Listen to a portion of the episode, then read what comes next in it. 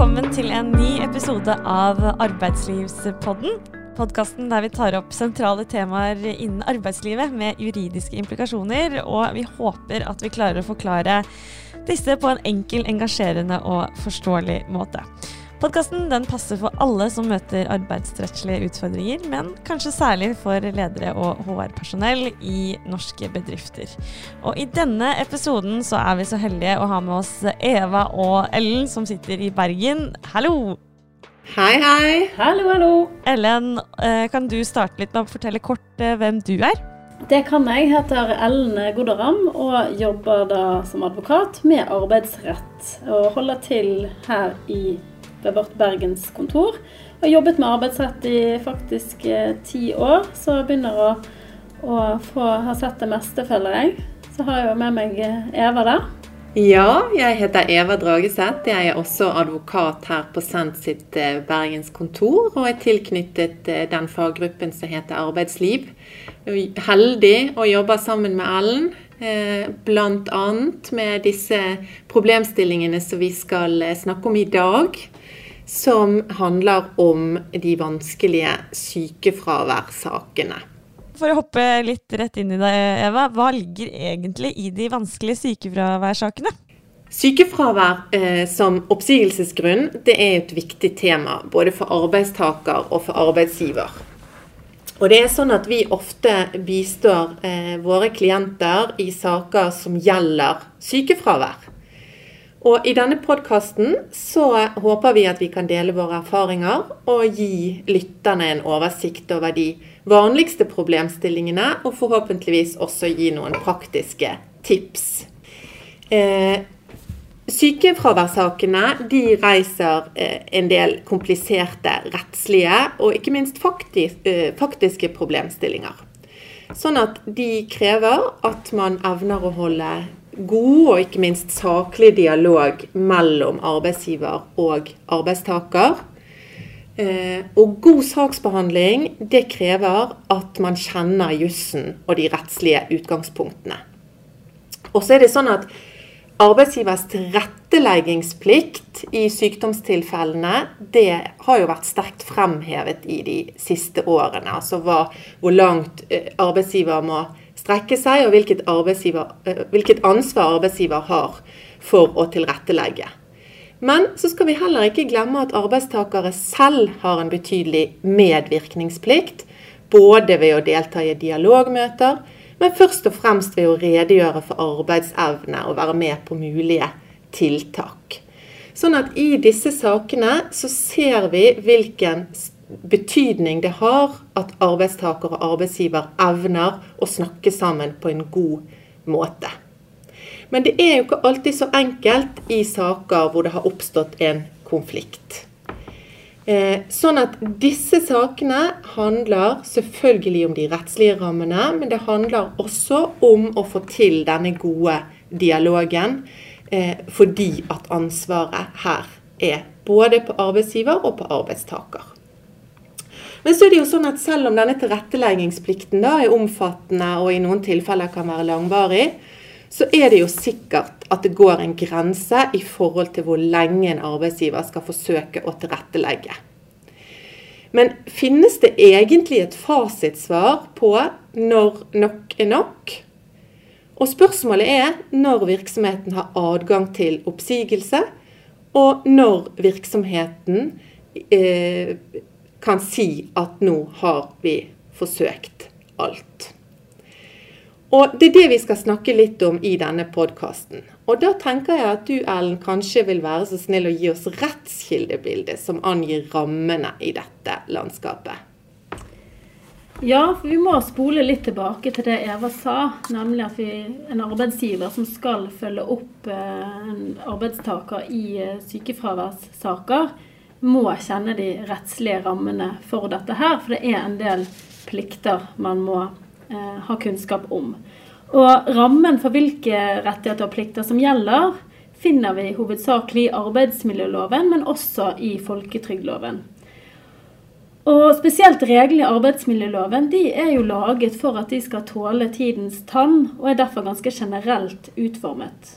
Og Det betyr igjen at for oss som skal bistå med å tolke og kunne gi noen praktiske tips og råd til en arbeidsgiver i en konkret sak, så betyr det at vi må kjenne til rettspraksis, og at rettspraksis, særlig da fra Høyesterett, spiller en viktig rolle når man skal fastlegge innholdet i disse bestemmelsene. Men nå er det sånn at mange av de som tar kontakt med oss i sykefraværssaker, har hørt at det gjelder begrensninger i adgangen til å si opp en ansatt som er sykemeldt. For vi er såpass heldige i Norge at vi både har en inntektssikring og en beskyttelse mot å miste jobben om vi er så uheldige, uheldige å bli syke. Denne bestemmelsen i arbeidsmiljøloven den gir arbeidstaker et vern mot oppsigelse pga. sykdom de første tolv månedene etter at man ble helt eller delvis da arbeidsufør. Og jeg vil bare stoppe opp bitte litt der, fordi det er gjerne en misforståelse hos enkelte at man ikke har anledning til å si opp en ansatt som er sykemeldt. Punktum. Begrensningen gjelder hvis oppsigelsen skyldes sykdommen. Så det er ikke forbudt å innlemme personer som er sykemeldte inn i en nedbemanningsprosess. Og det er heller ikke sånn at en ansatt som får en sykemelding rett etter at man blir tatt med hånden i kassen, er beskyttet mot oppsigelse. Men gir man som arbeidsgiver en oppsigelse til en ansatt i en periode hvor vedkommende faktisk er sykemeldt, og innenfor disse tolv månedene, så er det arbeidsgiver som må dokumentere og sannsynliggjøre at det skyldes noe annet enn denne sykdommen. Jeg snakket om disse tolv månedene. Det er også noe som volder noen spørsmål noen ganger. For det loven sier, at man ikke kan sies opp de tolv første månedene etter at sykdommen inntraff. Og da det gjelder det både hel og delvis fravær. Og så er det, som Eva var inne på, at det ikke alltid disse sykefraværene er så langvarige. Det kan også være hyppige sykefravær som volder disse spørsmålene. Og da er jo, når det kommer til selve verneperioden, så er spørsmålet når, når er det vernet eh, forbi? Når er det man, man ikke lenger har dette særskilte vernet? Hva med en ansatt som kommer tilbake helt frisk på jobb og er tilbake noen uker, men så blir borte igjen? Eller er tilbake en lengre periode og blir borte igjen? Og Der gir jo egentlig ikke regelverket oss noe særlig god hjelp. Eh, men i rettspraksis så har man, man sagt at eh, det som hovedregel løper det en ny verneperiode på tolv måneder hvis man er tilbake og er frisk i en periode, og så bli borte igjen. Men så er det da unntak også her, og man må jo da gjøre en konkret vurdering. Altså hvor lenge er man tilbake før man blir sykemeldt igjen. Og er det sånn at eh, det nye sykefraværet skyldes samme eller lignende sykemeldingsårsak. Da kan man i noen tilfeller få den eh, Eh, virkning at selv om man har vært tilbake en liten stund, så, så begynner ikke man å regne tolv måneder helt på nytt. Men når kan man faktisk eh, eh, si opp en ansatt som er mye syke, sykemeldt? Godt spørsmål. Og nå har jo Ellen snakket om denne verneperioden. Eh, og da kan man se for seg at det er to hovedproblemstillinger, kan, eller to hovedkategorier med vanskelige sykefravær. Den ene kategorien er jo de, det langvarige sykefraværet, sant, som har vart over en lang, lang periode, og nå er vi utenfor verneperioden. Men den andre kategorien er jo disse av og på-sykemeldingene. Altså hyppige, øh, øh, men av mer kortvarig karakter. Altså ut og inn øh, sykefraværene. Og er det da fritt frem for oppsigelse hvis man er utenfor verneperioden?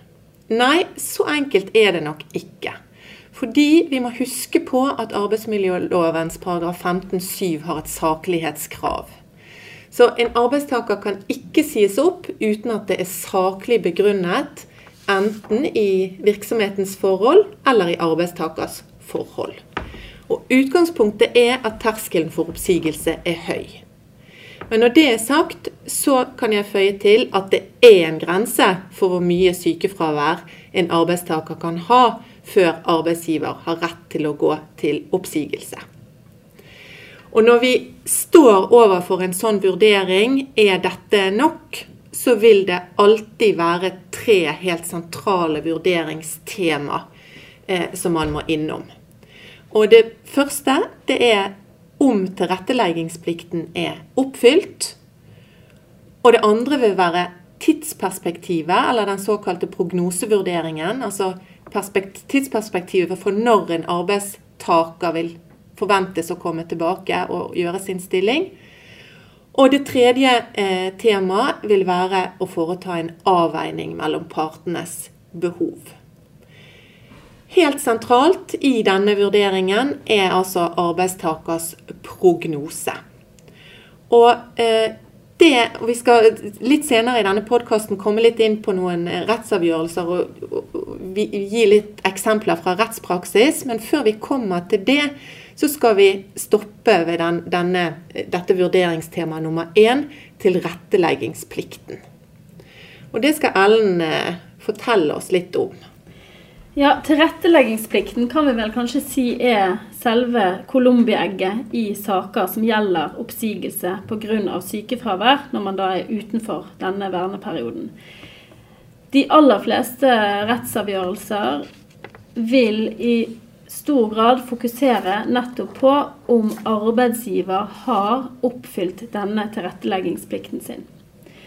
Og denne plikten her, den eh, finner vi i arbeidsmiljølovens bestemmelse som heter paragraf 4-6. Og som jeg var inne på, så er disse bestemmelsene ganske generelt utformet. Men den sier at dersom en arbeidstaker da er, har eh, redusert arbeidsevne som følge av ulykke eller sykdom, så har arbeidsgiveren plikt til, så langt det er mulig, å iverksette da tiltak for at denne ansatte skal kunne komme tilbake til jobben sin, eller få et annet passende arbeid i virksomheten. Så da står vi overfor et sånt 'så langt det er mulig'-begrep. Og der er man jo gjerne ikke alltid enig i hva som er mulig. Arbeidstaker ser noen muligheter, og arbeidsgiver ser andre muligheter, og man ser ulike begrensninger. Og da må vi inn i, i rettskildebildet, da, sant? inn i forarbeidene og inn i rettspraksis, nettopp for å kunne gi noe kjøtt på beina til hva er det man skal se hen til. Når er det man har gjort det som er mulig. Og Først kan vi si at tilretteleggingsplikten er omfattende. Det må vi vel kunne si. At det påhviler arbeidsgiver en ganske omfattende plikt til å forsøke å få en ansatt tilbake i arbeid. Men så er jo virksomheter veldig ulike. Man har ulik størrelse, man har ulik økonomi. Og det er klart at det er elementer som er vesentlige når man skal fastlegge hva som er akkurat mulighetsrommet for akkurat den virksomheten. Og det har man også støtte for i forarbeider og i rettspraksis, at, at det skal gjøres en helhetsvurdering hvor selvfølgelig det gjelder andre krav på, for den lille butikken på hjørnet og et stort, stort firma med, med, mange ansatte og god økonomi. Så her er det en, en vurdering hvor man må måle disse ulike forholdene opp mot hverandre. Og den tilretteleggingsplikten det er gjerne selve colombi-egget i saker som gjelder oppsigelse pga. sykefravær da utenfor denne verneperioden. Den finner vi i arbeidsmiljølovens paragraf 4-6, hvor, hvor det står at arbeidsgiver skal så langt det er mulig iverksette nødvendige tiltak for at arbeidstaker skal enten beholde jobben sin eller å få annet passende arbeid.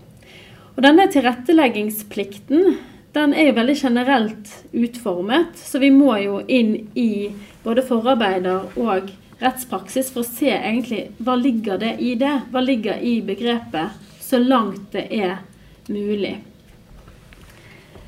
Og her er det selvfølgelig andre krav til en liten butikk på hjørnet og en stor virksomhet med stor, god økonomi.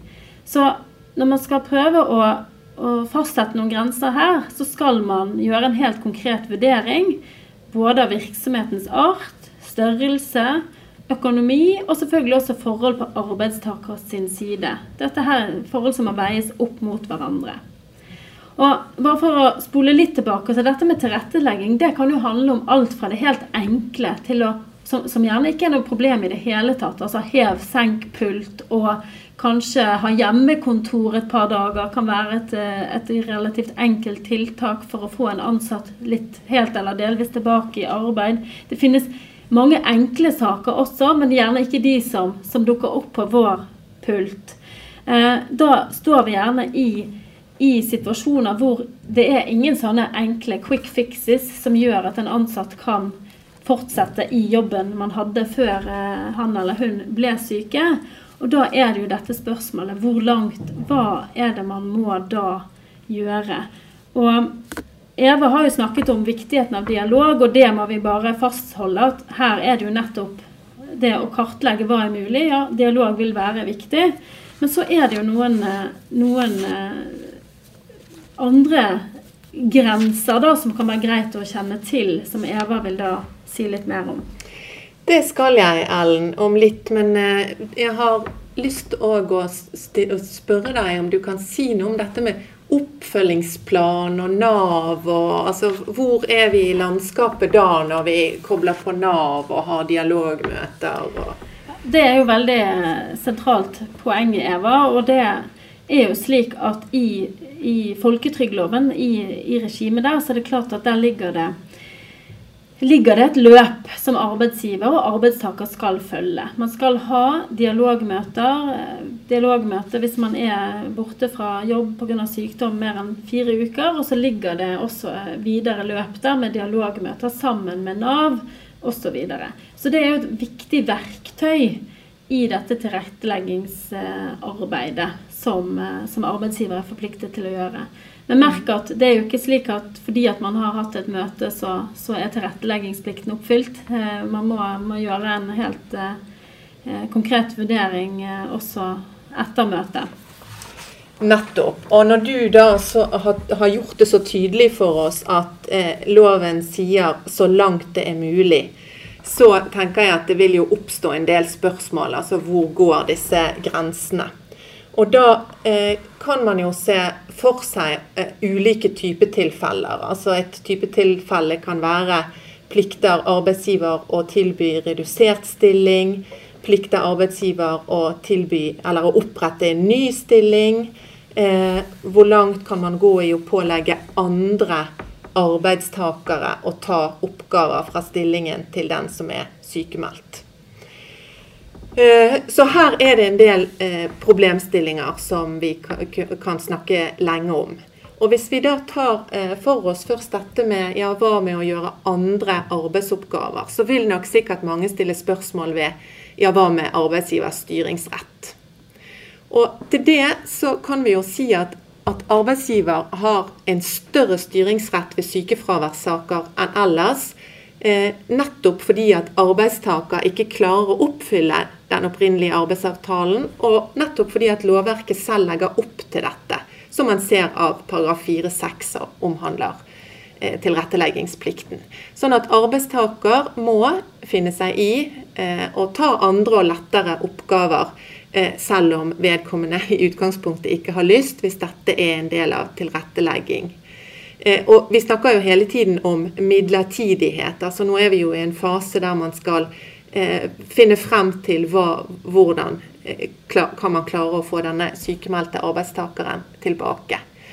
Og igjen, dette med dialog, utrolig viktig å minne om at fra arbeidsgivers ståsted så må man utvise en hensynsfull fremferd, og det kan i denne fasen være fornuftig da å trekke inn både tillitsvalgt og eventuelt verneombud som kan eh, bistå på dette stadiet.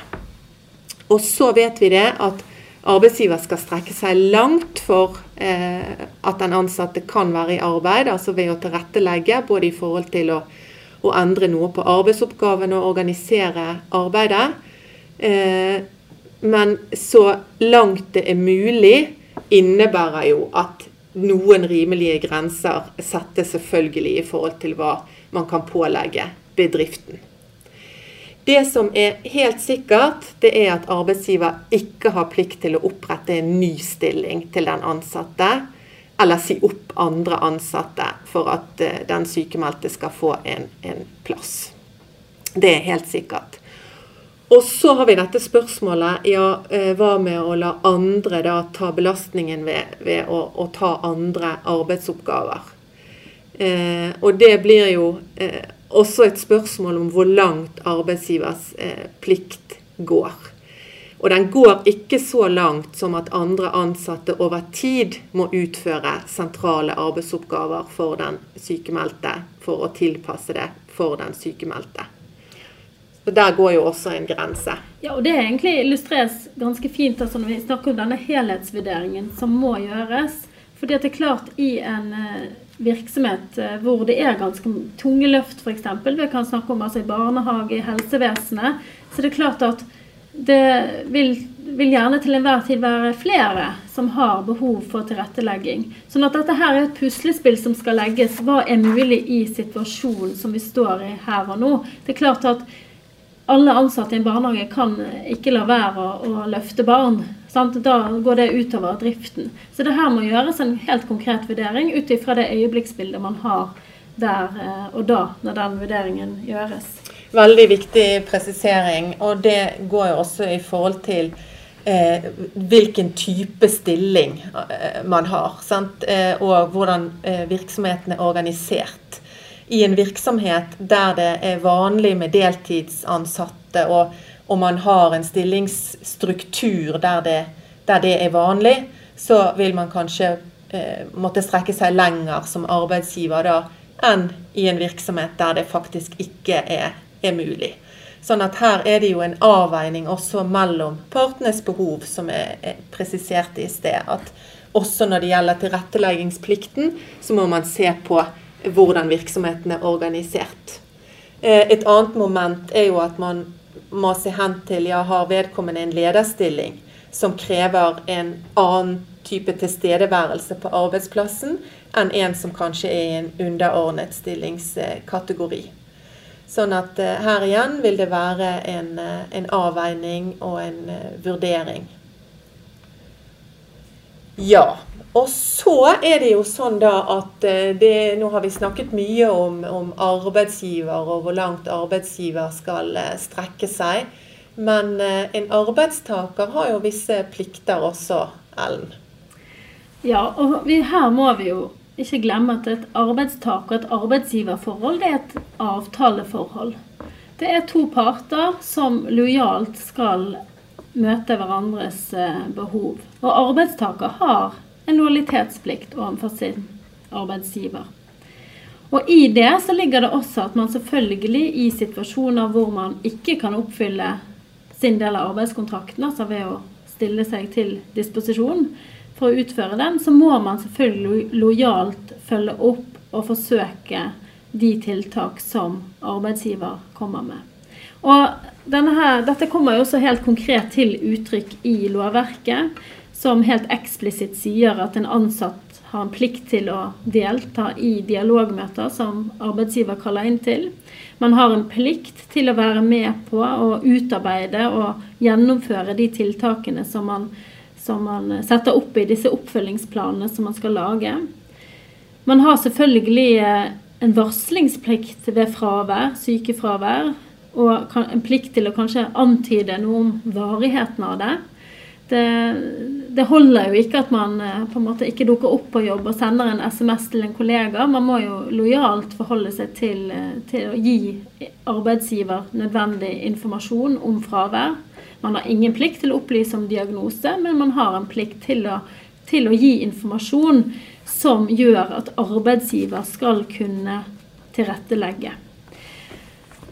Og i noen situasjoner så er det vanskelig for en arbeidsgiver å avdekke hva som egentlig er de reelle årsakene til et fravær, og det er vanskelig å utarbeide passende tiltak dersom arbeidstaker er passiv og taus.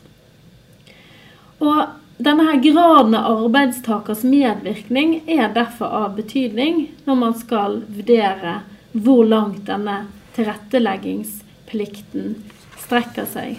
Fordi det vil rett og slett være umulig for en arbeidsgiver å tilrettelegge hvis, hvis man står overfor for en helt uh, taus arbeidstaker.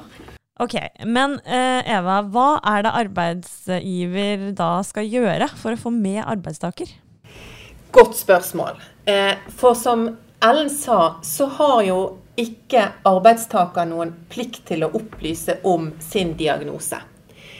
Eh, og vi kan jo se for oss at i sykefraværssaker som har sin årsak i, i, i fysiske problemstillinger, så, så, er det enklere å tilrettelegge rent sånn praktisk og fysisk. Men de vanskelige sakene er ofte der hvor, hvor diagnosebildet er diffust, eller er relatert til konflikter eller psykisk problematikk.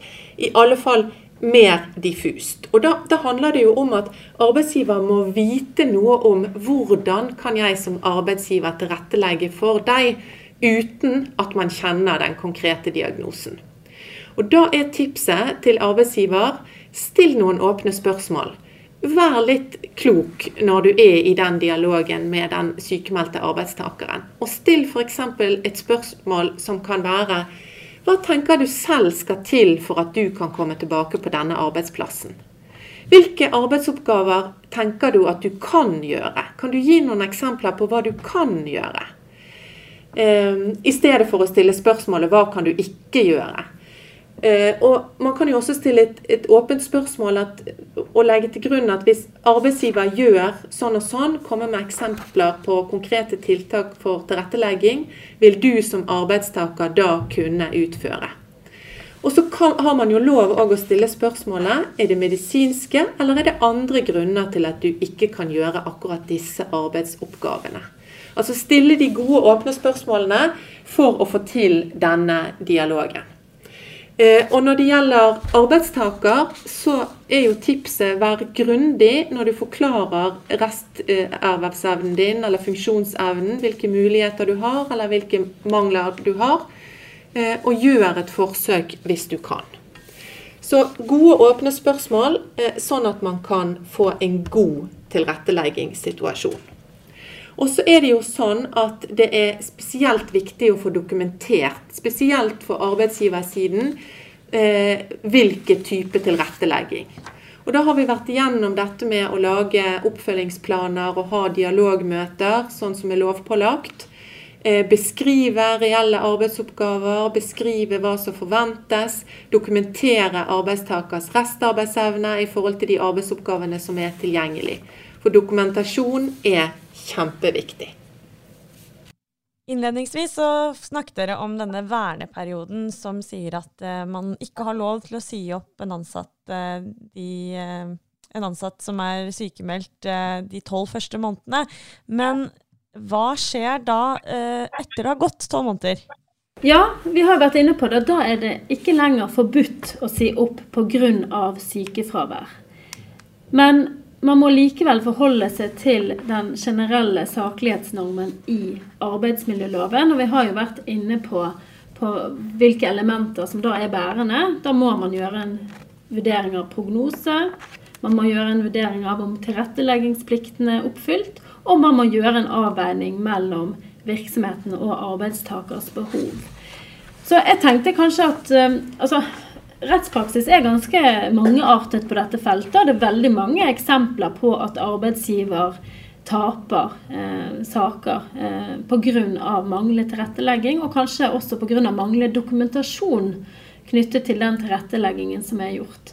Men vi tenkte vi skulle ta bare et par helt kort praktiske eksempler på slutten hvor, hvor eh, arbeidsgiver har fått medhold i i oppsigelser, at oppsigelser eh, pga. sykdom etter vernerperioden har, vært, har stått seg i retten. Vi har et eksempel fra et eh, større rederi som driver med passasjertransport. Her var det en ansatt som hadde vært der i tolv år i selskapet, og han hadde hatt et uh, høyt sykefravær i hele ansettelsesperioden. Faktisk et gjennomsnittlig sykefravær på ca. 38 Så var det dette siste sykefraværet. Det hadde vart da i eh, over tolv måneder. Eh, nærmere bestemt altså ca. 13 måneder.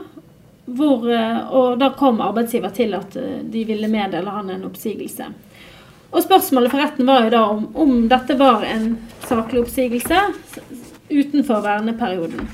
Og da gjorde retten den vurderingen. Altså de så på, på sykdomsbildet. Her hadde jo arbeidsgiver sagt at ja, men du har jo hatt et veldig høyt sykefravær historisk, faktisk 38% og det er veldig stor usikkerhet knyttet til om hva som vil skje fremover. Um, og fastlegen her i denne saken hadde antydet en frisk melding om ca. fire måneder, men at det var litt usikkert. Så prognosebildet var usikkert, og det var et veldig høyt sykefravær historisk. Her, De så også på tilretteleggingen. Her hadde arbeidsgiver forsøkt å omplassere, men det hadde ikke hatt noen effekt. Og det var omfattende kostnader knyttet til å skaffe vikarer for denne her. Så sum summarum, i en sånn helhetsvurdering, så landet eh, lagmannsretten på at denne her oppsigelsen ble opprettholdt som, som gyldig. Og her kan jeg kanskje bare skyte inn at det går en grense for at arbeidsgiver er jo ikke Nav. Altså vi har, vi har et godt system i Norge for å bli ivaretatt selv om vi har en helse som tilsier at vi ikke kan stå i jobben vår, eller det ikke er mulig å tilrettelegge. Men tenk at her går det. Det, er en, det er en grense her eh, et eller annet sted. Og Eva, du har jo eh, kanskje si litt om, om disse ledersakene. Om du har et eksempel på det? Ja, det kan jeg. Jeg har et eksempel også fra rettspraksis der faktum var at det var en, en leder på et ma ma maskinverksted som hadde en kronisk eh, sykdom.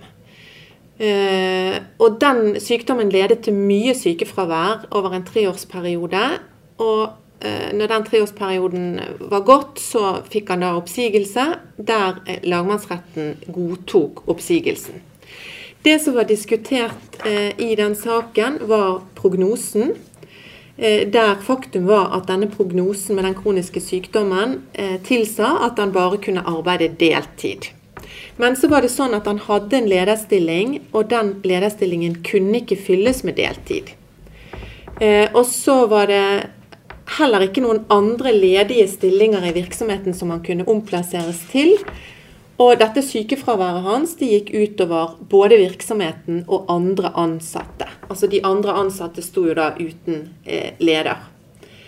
I denne saken så ble det også vektlagt at virksomheten var i en vanskelig økonomisk situasjon.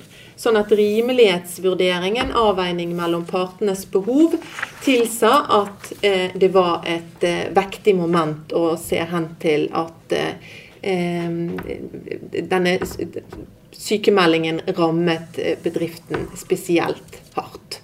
Så igjen, den konkrete vurderingen, sykdomsbildet, altså prognosevurderingen, tilretteleggingen, eh, at han var i en ledende stilling og det ikke var mulig å tilrettelegge i en deltidsstilling. Og ikke minst denne rimelighetsvurderingen. Så i dette tilfellet ble jo da oppsigelsen opprettholdt som gyldig. Så det er nok et eksempel fra rettspraksis der man ser at denne tredelte eh, vurderingen har vært foretatt. Så er det sånn at hvis jeg eh, er i en eh, hvis jeg er sykemeldt, men ser at jeg kan komme 50% tilbake, da, som, men jeg ikke er en lederstilling den, Resten av disse 50% de kan erstattes med en ny deltidsansatt, eller kanskje fordeles på andre ansatte på, på huset. Har jeg et sterkere vern da? Hvis man kan jobbe redusert, og det kan gjøres på en eh, fornuftig måte også for virksomhetens drift, så vil jeg si at det er, er skal mye, mye til da for at en oppsigelse vil stå seg.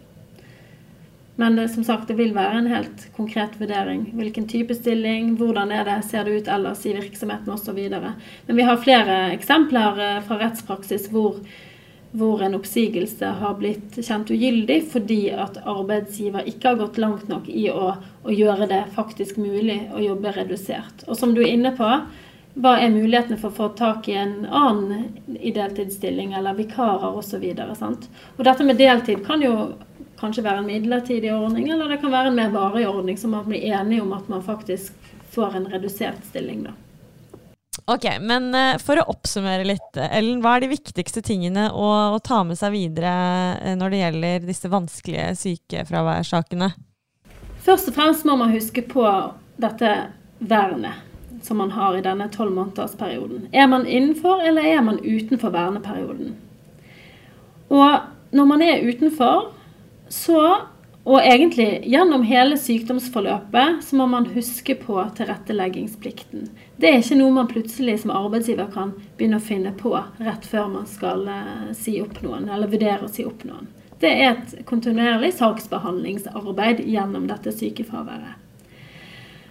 Um, det er viktig å huske på at som, den dialogen og de tiltakene som, som man gjennomfører, må dokumenteres, og man må kunne vise til at man har en saklig og fornuftig saksbehandling. Man skal aldri si opp en ansatt som er plaget med sykdom som et straffetiltak. Altså Her skal det gjøres en reell vurdering av virksomhetens behov og opp mot arbeidstakers muligheter og eh, for veien videre. Så er det viktig å ha med seg at eh, dokumentasjon og saksbehandling eh, må være på plass. eh, og det er fordi at det vil danne eh, et forsvarlig grunnlag for avgjørelsen. Og helt til slutt, Ellen. Det er dialog og dialog og dialog. Jeg føler det er eh, kommunikasjon mellom arbeidstaker og arbeidsgiver er en generell eh, God kommunikasjon er generelt viktig i alle arbeidsrettslige problemstillinger eh, eh, som vi har vært innom så langt i podkasten.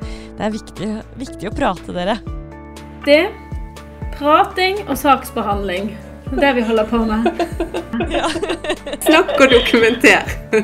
Veldig hyggelig å ha dere med, Eva og Ellen. Det her har jo gått eh, som en drøm, og eh, håper du der ute har fått uh, god nytte av denne podkasten. Og så er det vel bare å ta kontakt med Ellen eller Eva dersom dere trenger mer juridisk bistand, er det ikke det? Klart det. Vi er tilgjengelig dag og natt. Terskelen er høy for oppsigelse, men lav for å kontakte oss. Godt oppsummert, Eva. Så skal vi selvfølgelig ha med dere videre i denne podkasten.